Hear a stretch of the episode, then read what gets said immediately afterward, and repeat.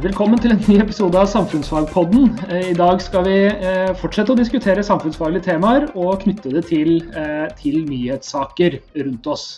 Og det er fortsatt meg, Even, og Og det er meg, Karoline. som sitter her og skravler. Nå sitter vi i hvert vårt rom, eller hvert vårt hus, fordi at skolene våre er stengt og vi kan ikke være være eh, i samme rom lenger. Sånn er det nå. Og vi skal inn på det også, for vi skal prate om vaksiner i dag. Eh, men først så skal vi jo inn på kanskje den største nyhetssaken i, i ja, altså på nesten uminnelige tider. Altså, Den er jo helt enorm det var en historisk begivenhet. Liksom. Jeg måtte, som vanlig når ungene mine kommer opp og ser seg på nyhetene, så må jeg liksom forsvare posisjonen min på TV-en. Men nå kunne jeg si at det her er en historisk eh, begivenhet som, som liksom utfolder seg foran øynene deres. Så sett dere ned og se på. For da mm. så vi altså at det er en, skal vi si en mobb, det var en folkemengde på flere tusen, i hvert fall utenfor, som inntok eh, amerikanske kongressen. Mm og eh, rett og slett eh, tok seg gjennom politisperringa og tok seg ganske langt inn i det huset. Og eh, det ble jo sett på som et forsøk på, eller det var et forsøk, får man si, på å avbryte prosessen med å godkjenne Joe Biden. Men mm. så er det det der da med hva, var det som egentlig skjedde? Der florerer det jo også nå forskjellige versjoner. Har du hørt noen mm. av de, eller? Ja, det er mange versjoner. Bare ta det helt fra, fra starten av. For det som skjedde, var jo at Donald Trump holdt et rally. Eh, altså Dvs. Si en, en sånn eh, hva skal man kalle det, eh, folkemøte eh, eh, med veldig veldig mange tusen mennesker som hørte på. Hvor han og sønnen hans og eh, advokaten hans og litt forskjellige sånne folk holdt taler. fordi at man i Kongressen skulle avgjøre dette valget. Egentlig så var det jo ingen avgjørelse, fordi at eh, valget har jo blitt gjort og, og Joe Biden har vunnet. Det var egentlig bare en bekreftelse av noe alle visste. Eh, og så sa Donald Trump eh, eh gå ned eh, Pennsylvania Avenue.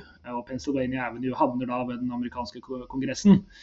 Og Det som er litt interessant med situasjonen, er jo at vi har aldri hatt så mye informasjon og stått så tett på en hendelse som vi har gjort i den her. Altså jeg satt og så på Twitter samtidig som jeg så på, eh, på nyhetssendingene. og altså Det dukker opp livesending etter livesending etter livesending der hvor eh, informasjonen bare strømmer på. Allikevel så er det altså da en sånn uenighet om hva som har skjedd. Eh, noen sier at ja, det er jo... Nei, det er jo rett og slett snakk om to forskjellige verdensbilder, tenker jeg, som mm. er i spill. Der det ene Altså, det er ikke bare man uenig man, man er ikke bare uenig om én faktahendelse eller én hendelse, det er liksom hele hvordan man ser verden som, som er forskjellig. I den ene versjonen, som er da Trump-versjonen, så eh, er hele prosessen udemokratisk bak det som endte opp med at Joe Biden har blitt valgt nå.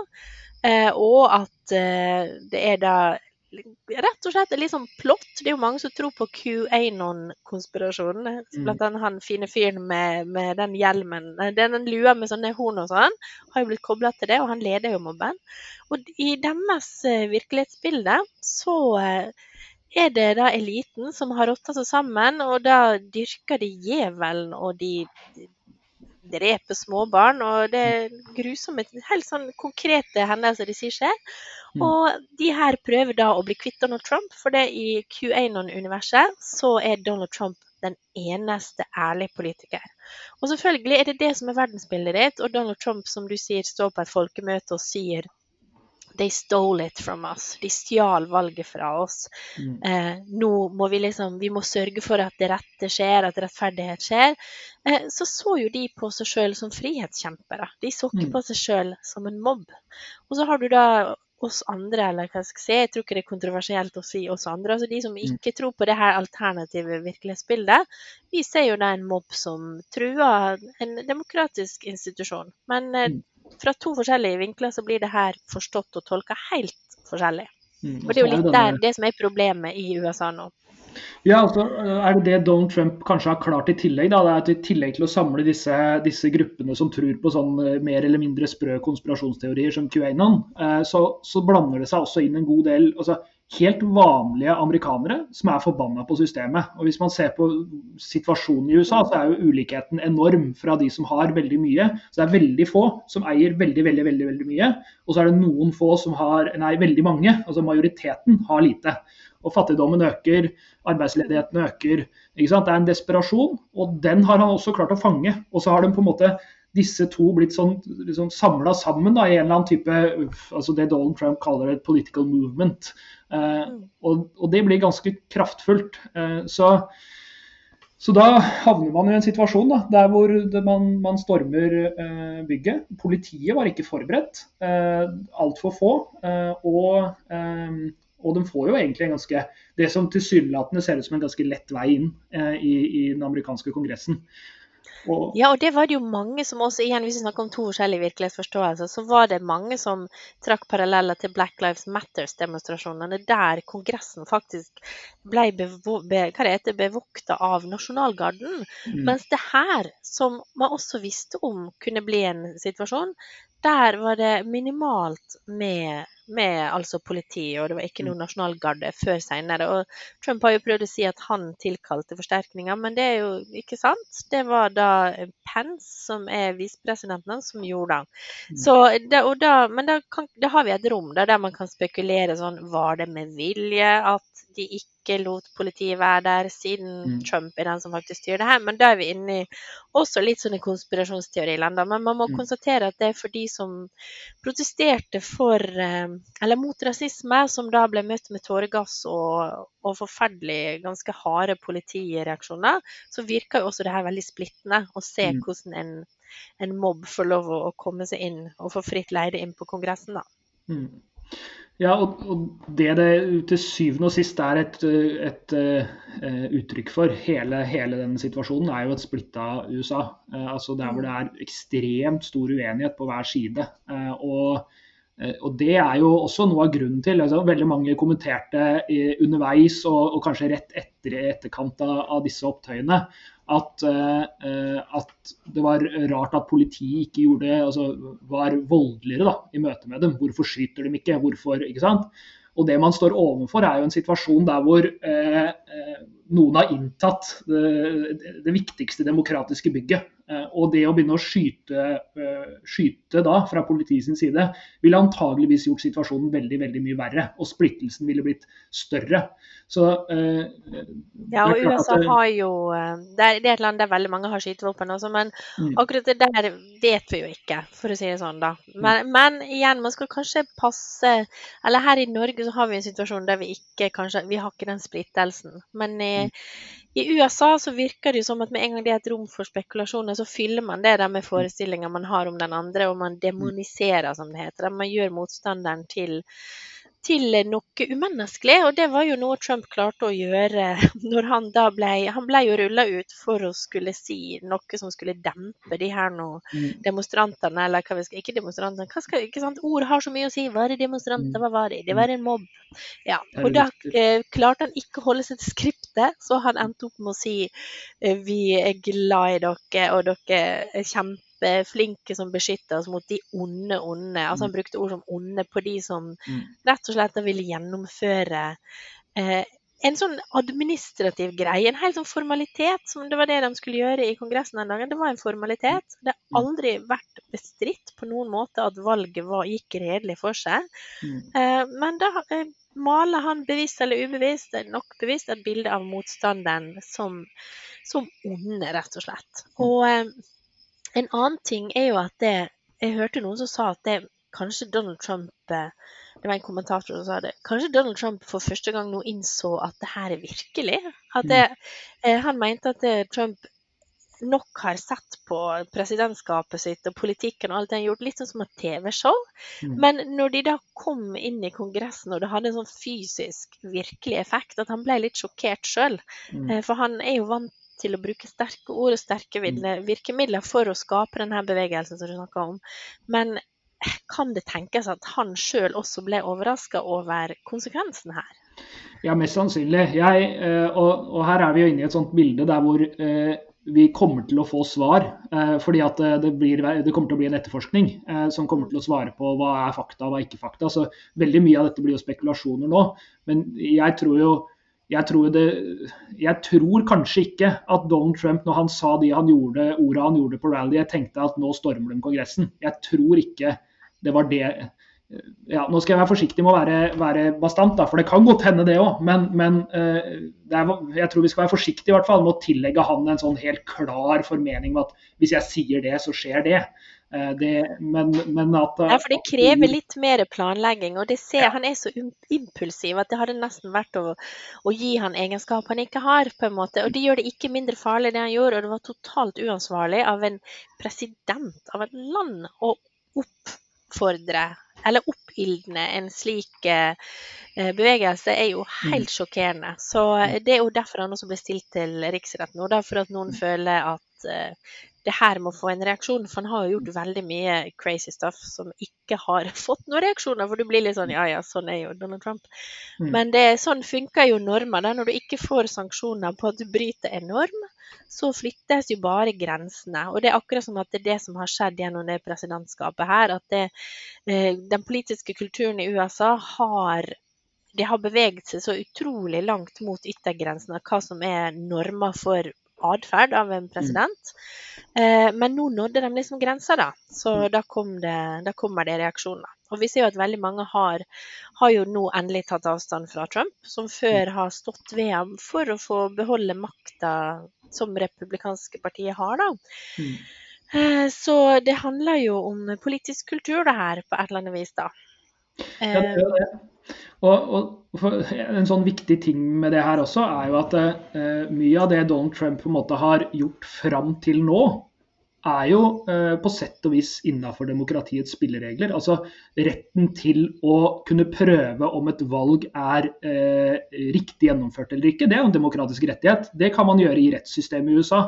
Det er det helt sånn klare eh, regler på. Eh, så det at han, sånn som eh, noen kritiserte han for at, å ta opp for retten at han mente at det var helt feil stemmer eller den type ting, det er egentlig ikke udemokratisk. Det han gjør da, er egentlig å si jeg tror ikke det her er riktig, og så går du til retten og så spør du retten er det riktig eller er det galt. Og så sier retten i de tilfellene her da, at her er det ikke valgfusk.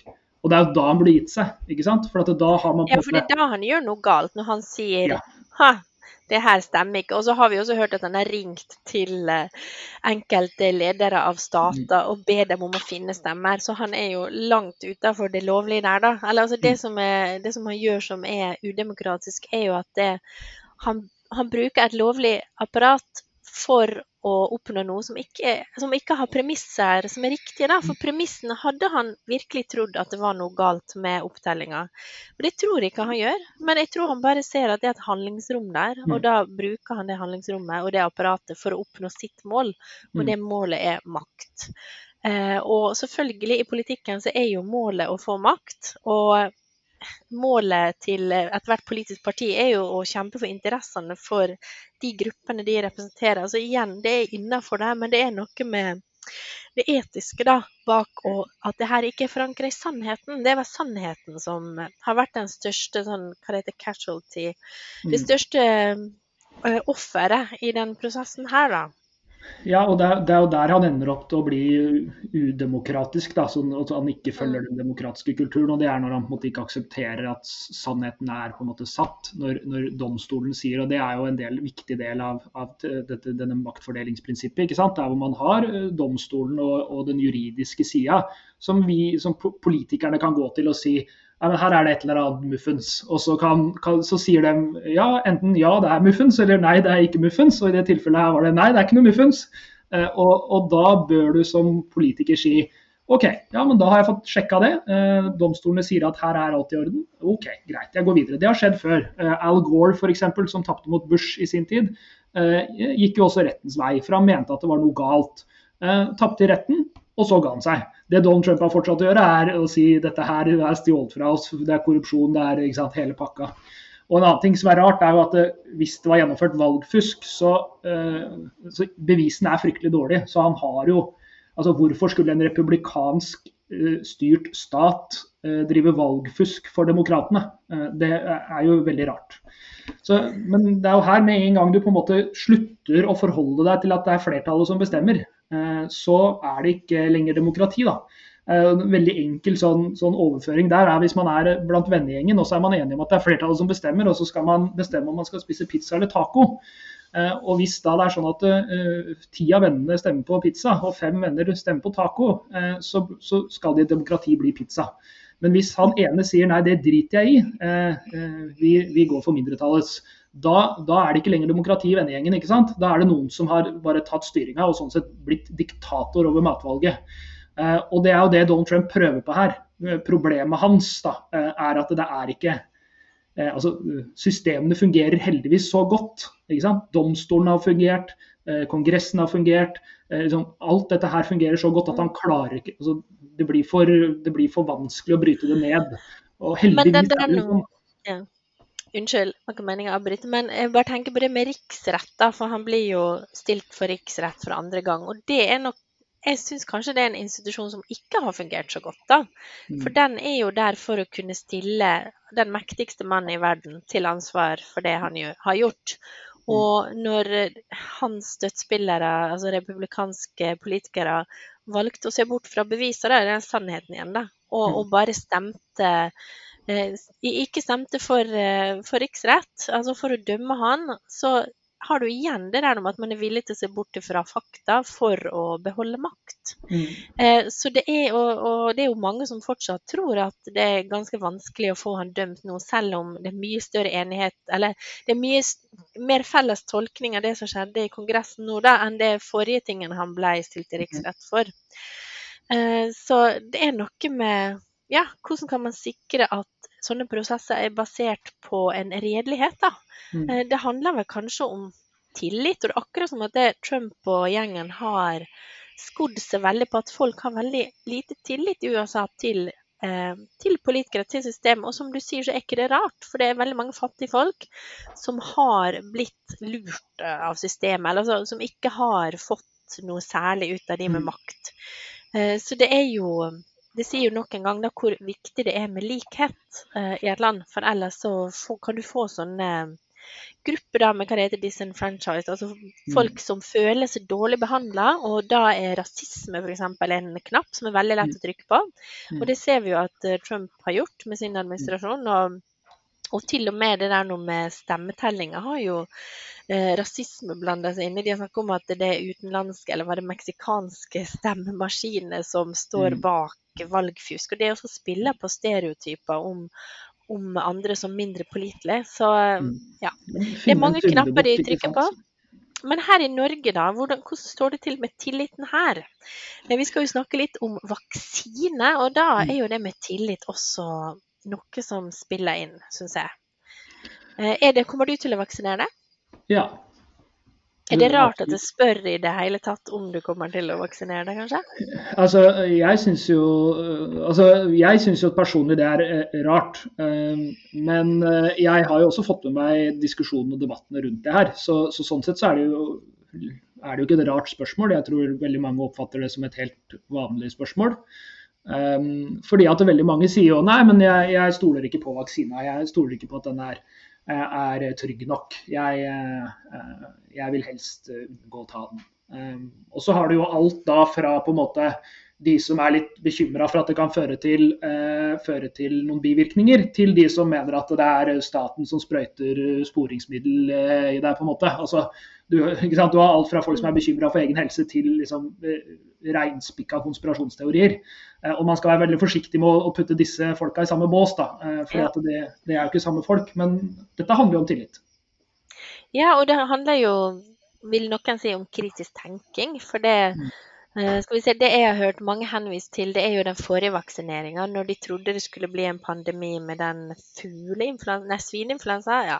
Mm. SARS-virus i hvert fall. Eh, og da var det veldig mange barn som ble vaksinert i Norge, og det gikk veldig fort. Så var det mange som fikk ikke en sånn bivirkning som har gitt dem langvarig sykdom, som narkolepsi. Eh, så selvfølgelig, det er jo noe som går på tilliten løs. Men det her, eh, altså hva gjør du når du sitter med makta?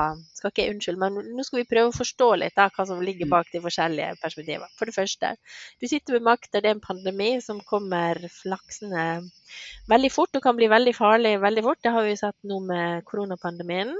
Mm. Eh, og så skal man ta den rette avgjørelsen. Og det er bare ettertida som ser om det var riktig. Var det riktig å kjøre ut massevaksinasjon for fort?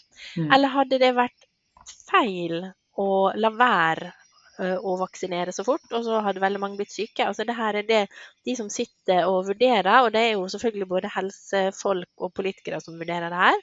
Mm. De har da et usikkert scenario å, å, se på. Men når det gjelder vaksiner nå, da, så er det jo veldig mange som har jobba lenge for vaksinen. Eh, men allikevel så er det mange som er skeptiske nå. Mm. Eh, og jeg så i forgårs var vel, så har WHO gått ut og sagt at vaksinemotstand er faktisk en av de største helsetruslene i mm. Eh, verden akkurat nå. Så hva skal vi gjøre for å få folk til å stole mer på myndighetene, eller bør de stole på myndighetene når de sier det er trygt å vaksinere seg? Ja, altså vi, vi, bør jo det. Eh, og skal man huske på at eh, i den utviklinga vi har hatt nå, altså disse, disse, for det første så har jo eh, disse eh, vaksinene blitt testa på veldig, veldig, veldig mange mennesker. Eh, og så skal man også huske på at eh, når man snakker om tidshorisont, så er det ikke nødvendigvis en tids, tidsperioden det tok å utvikle vaksine, er ikke nødvendigvis også, det er ikke den eneste faktoren. For vi har flere faktorer. fordi at en, og det handler om etterspørsel. Eh, i veldig stor grad. Hvor mye penger har man til å bruke på forskning? Og det er klart her I, i koronavaksinesituasjonen vi var i nå, så var det sånn at det, eh, bare over natta i mars, eh, cirka, Liksom februar, februar, mars, april, i det området der, så skjønte hele verdens eh, statsledere at oi søren, her er vi deep shit, eh, folkens. Eh, dette her må vi klare å få en vaksine for. Og Det som skjedde da, var jo at det, det enorme summer. ikke sant? Altså Canada har jo kjøpt vaksiner som kunne vaksinert egen befolkning tre ganger. eller sånt, ikke sant? Og Grunnen til at man gjør det, er jo ikke fordi at det nødvendigvis man skal ha masse vaksiner på, på lager, men, men, måten man finansierer forskninga på, er ved å forhåndsbestille vaksinedoser. Og Det man da har gjort, er jo å bestille veldig veldig, veldig mange vaksinedoser. og Det har ført masse penger inn i disse eh, firmaene som driver utvikling, f.eks. Pfizer-vaksinen. Eh, og det som skjer da er jo at dem kan sette av nesten altså enormt stor andel av deres forskningsteam til å jobbe med det her. Som kanskje vanligvis jobber med veldig mange forskjellige eh, medisinske, eh, eh medisinske eh, forskning. Ja, så mange flere årsverk, da. Det gjør jo ja. selvfølgelig at det går mye fortere. For det er jo ett av argumentene. Hm, det har gått mistenkelig fort, det her. Mm. Mm. Så, så, så, det er jo den ene sida av det, dette med hvor fort det har gått. Um, og så den andre sida er uh, hvordan vi skal stole på uh, altså statens vurdering av uh, legemidler. Og der må vi huske på at det, det, så, altså, det kommer jevnt og trutt diskusjoner opp i norsk media der hvor eh, man kritiseres for at en eller annen medisin ikke har kommet inn i Norge, f.eks. For, for at den ikke er godkjent av norske helsemyndigheter. Eh, et eksempel var f.eks. En, eh, en, eh, vaksine for skabb. Eh, ikke en vaksine, men en medisin for skabb som man hadde i Sverige, men ikke i Norge, for at den ikke var godkjent i Norge. Eh, og Da sier jo veldig mange nei, men her må jo staten kjappe seg, vi må jo få den medisinen til Norge. Og Grunnen til at den medisinen ikke kommer til Norge, er jo nettopp fordi at vi har veldig veldig, veldig strenge krav for både at det fungerer og at det er trygt å bruke. Eh, og eh, Når vi da er i den situasjonen her, så skal vi være ganske trygge på at eh, de kravene norske helsemyndigheter setter til en vaksine er veldig veldig høye. Det skal være testa på mange mennesker, det skal være, skal være trygg å bruke, og den skal fungere. Og Når norske helsemyndigheter sier det, så er det grunn til å stole på at norske helsemyndigheter har rett i det. Ikke sant. Og det er jo ingen som har sånn altså igjen, eh, Den norske myndigheter gjør jobben sin, eh, og mm. den handler da rett og slett om å ta vurderinger. Og selvfølgelig noen vurderinger kan bli feil. Og det som kan være litt vanskelig for oss, det er at vi er enkeltmennesker. Og hvis, hvis det skjer én ting med oss, hvis vi er den ene uheldige personen som får en allergisk reaksjon, så er jo det selvfølgelig veldig drastisk. Men når det mm. gjelder vaksine, så er det snakk om populasjonsnivå, altså en befolkning. Og da eh, vil virkningene av å ikke vaksinere fordi at en person kan få en allergisk reaksjon, vil være så negativ at du kan ikke veie det Du kan ikke ta den avgjørelsen at det, nei, vi har ikke råd til at ett menneske dør. For det er jo det samme med bil. Du setter det inn i en bil, og du kjører selv om du vet at folk kan dø i en bil. Men eh, fordelen for det med å kunne kjøre rundt med hjul på, gjør at det, du tar den risikoen. Og det, det, er jo grusomt å si, men kan vi eller det er ikke grusomt å si, men sånn er det rett og slett. Man får ikke gjort noen ting hvis man ikke Eller bak veldig mange beslutninger som politikere tar hver dag, så ligger det en vurdering av risiko opp mot nytte. Mm. Eh, og det er veldig lett å si etterpå at her var risikoen for stor. Eh, mm. Men eh, nei, det er viktig at vi som i sånn samfunnsfaglig perspektiv må, må, tenke litt rundt hva prosesser som ligger bak, og mm. kanskje det kan hjelpe litt med den tilliten. At det, det er ikke det er ikke noen som sitter her bevisst i hvert fall vil skade. Eh, mm. Selvfølgelig, En ting som ofte er at folk har lyst til å tjene penger, det kan man gjerne være kritisk til. og Følge pengene, hvem er det som ville tjent på det her? Men likevel kan det også eh, føre inn i en blindgate. For mm. selvfølgelig, som du sier, så altså, trenger de selskapene her penger for å kunne ha eh, årsverker nok til å forske frem en vaksine. Så man skal ikke være mistenkelig mot alle som vil tjene penger heller, for det blir mm. også ofte brukt som et argument. Så det er Altså det er utrolig vanskelig for eh, oss og for elevene våre å skulle tenke kritisk rundt sånne ting. Men det er utrolig viktig å se hvor mange faktorer som er involvert. Eh, og så er det den tilliten. Å ha tillit til at det kanskje ikke ha som grunninnstilling at staten er ute etter å lure oss. Selvfølgelig mm. skal ikke godta ting uh, ukritisk, men samfunnet vårt fungerer jo ikke uten tillit, faktisk. Nei. Og så er det også noe med at eh, altså, veldig mange eh, legemidler, eh, medisiner, medfører en eller annen type risiko. Eh, altså Eh, det, altså man kan gå inn i, i, i skapet og sjekke eh, altså type eh, medisiner som paracetamol og, eh, og Ibux. Det er helt sikkert eh, potensielle bivirkninger av å bruke det. Eh, og kanskje også ekstra risiko i enkelte situasjoner. Mm. En person med leverproblemer vil f.eks. ikke kunne spise paracetamol fordi at det går utover levra di. Eh, og eh, Det er jo rett og slett et veldig farlig legemiddel for en person som har, eh, har en leversykdom. Og, og, Sånn er det med veldig mye forskjellig. Så Også i koronavaksina så er det jo enkelte mennesker i enkeltsituasjoner som, som, ikke vil kunne bruke vaksina. Og så og, sånn er det med veldig mye annet også. Eh, og da, ehm, og da, må man kanskje ta den risikoen, da. Eh, og så er det også noe med å se ok, hvor mange mennesker er det som vil dø av koronaviruset hvis vi ikke vaksinerer oss. Og Det også er på en måte den store greia. Altså Vi, vi alle eh, er en del av det. Mm. Og så er det den biten med kritisk tenkning. Det er også interessant, for jeg tror veldig mange der også er litt sånn til USA, da, at veldig mange oppfatter kritisk tenkning som å være som å være kritisk. Altså Man skal alltid være kritisk. Øh, og det betyr ikke nødvendigvis at man alltid skal si sånn Nei, men her må det være noe galt. Uh, altså, det, det, er ikke sånn at det er noe galt med alt. Og det er ikke det det vil si å være kritisk tenkende. er ikke å, å finne det som er feil. Uh, og, og liksom, For det blir jo så ofte feil. ja, det blir ofte litt ja. ukritisk det også, ikke sant. For man, da, da, får man det man kaller confirmation bias. Altså hvis jeg uh, prøver altså, hvis jeg hadde eh, leita etter eh, en grunn til at du var sur på meg, så hadde jeg sikkert funnet det. Eh, eller leita etter tegn på at du var sur på meg nå, så hadde jeg sikkert funnet det. Å ja, ja, nå satt hun seg litt til sånn i stolen. Og, sånn. og da kunne jeg innbilt meg sjøl det. Hvis jeg bare hadde leita etter hint som gjorde at jeg, akkurat den tingen jeg prøvde å bevise, skulle være sant. Og Det er jo et sånn gammelt forskningsmessig problem, og, og, det er jo ofte det man ender opp med her. for at Hvis du leiter etter grunner til at staten, eller leiter etter tegn på at staten prøver å lure deg, ja, da kan det godt hende du finner noen av dem, men det er ikke sikkert du har satt dem sammen riktig, at det henger riktig i hopes. Så et åpent sinn, altså rett og slett si hva er det som skjer her, og være åpen for de svarene du finner når du mm. leter da, kritisk. Og, og, og, sånn som det vi snakker om nå, så er det jo snakk om veldig komplekse greier. Det holder ikke å bare se på én nettside eller et argument. Eh, du må nok se på forskjellige kilder, og så må du vite litt om hvordan systemet fungerer. Altså det å, hvis du ser på faktisk.no sin eh, faktasjekk av de der vaksinepåstandene, eh, så får du en veldig grundig gjennomgang om hvordan det fungerer. Det er liksom mm. hele legemiddelsystemet og hvordan det blir godkjent, og det er jo en trygghet. Men så når du også til et punkt der du må innse at det, vet du hva, er ikke molekylær, hva det heter, molekylærbiolog.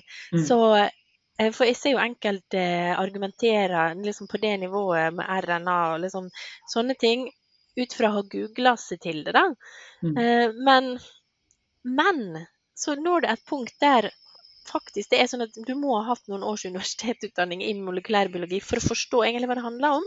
Mm. Eh, og det er ikke det at igjen man skal liksom overlate alt til eksperter, men noen ting er det faktisk ekspertene som må kunne Du må stole på dem, da. Og der har vi jo mm. det med klimaforskning også, at det er veldig mange som roter og snakker om CO2 og vi trenger CO2 og sånne ting, mm. som rett og slett eh, kanskje forenkler en vitenskapelig problemstilling, så du trenger å ha veldig mye spesialistkunnskap for å skjønne. Eh, mm. og sånn er det litt med vaksiner også, tenker jeg. Eh, selv om selvfølgelig kritisk tenking og ja, og selvfølgelig vurdere sjøl egen risiko også, men av og til når det gjelder vaksine, så gjelder det også ikke bare risikoen for deg sjøl, det gjelder mm. risikoen for andre rundt også. Så ja, vi oppfordrer til et åpent sinn, kildekritikk, hva annet skal man gjøre her? Tillit. Grunnleggende tillit så lenge det ikke er grunn for mistillit, selvfølgelig. Ja.